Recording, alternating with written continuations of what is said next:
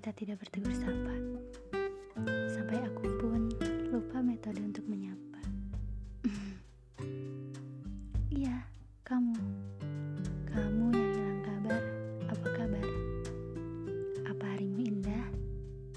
Hari yang membuat hatimu merekah atau hari yang membuat hatimu patah? Hmm, bagaimana dengan sibukmu yang selalu kita perselisihkan? Dan ternyata itu yang kau rindukan. It's okay, aku menerimanya.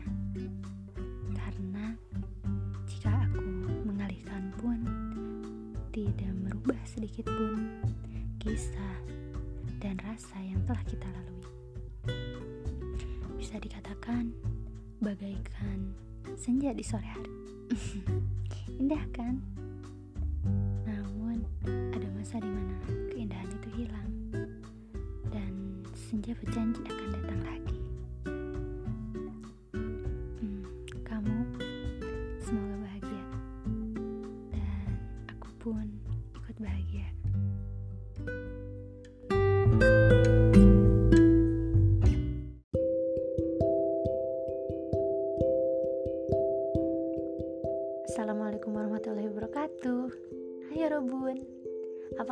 Kabar?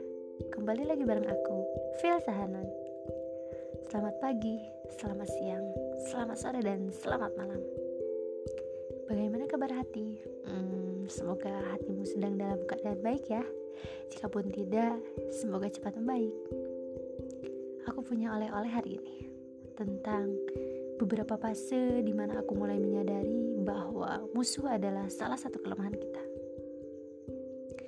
Selalu memikirkan kelemahan kita, seperti membandingkan diri, soft skill, hard skill, bahkan sampai ke ranah fisik kita. Disadari atau tidak, salah satu kelemahan yang paling berbahaya adalah musuh kita. Pernah gak sih kalian mengalami hal serupa denganku. Ketika musuh, katakanlah orang yang kita tidak sukai atau hmm, bisa dikatakan orang yang pernah menyakiti kita. Dan kita selalu menghindar. Nah, justru dengan cara seperti itu, kita memiliki kelemahan yang tentunya kelemahan ini dimanfaatkan orang yang tidak suka kepada kita karena disadari atau tidak, orang yang tidak suka kita justru menjadi mudah memainkan emosional kita melalui orang tersebut. Ya, bisa dikatakan musuh kita. Untuk memancing emosi kita, maka aku simpulkan bahwa kelalaianku terhadap kelemahan adalah musuh. Di mana ketika kita semakin banyak musuh, maka semakin banyak orang tahu kelemahan kita. Dan pastinya memperdaya kita. Bisa dikatakan kadang selalu terjadi adu domba. Dan lebih parahnya orang yang di tengah-tengah atau membela kita tidak dan membela dia pun tidak.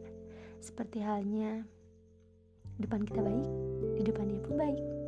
Nah, itu pun juga adalah musuh yang harus kita waspadai kadang dia akan membelah di pertengahan antara kita dan dia. Aku pun mulai memaafkan dan memang memaafkan seseorang itu sangatlah susah. Terutama bagi perempuan, khususnya aku. Kadang menjadi pemilih dalam bergaul, bekerja sama, biasanya lebih baik melarikan diri. Hmm terhadap orang-orang yang dikatakan orang yang pernah menyakiti kita. Sampai akhirnya aku sadar bahwa peran hati kita sangat penting. Di mana kita harus belajar, terutama belajar memaafkan untuk meminimalisir setidaknya kelemahan pada diri kita. Hmm, musuh adalah salah satu kelemahan.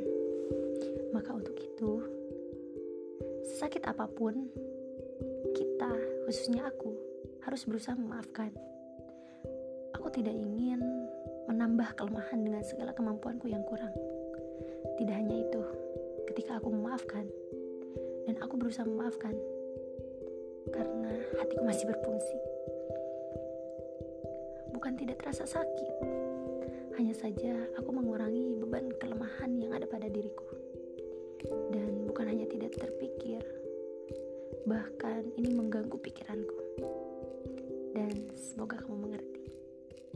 放下了。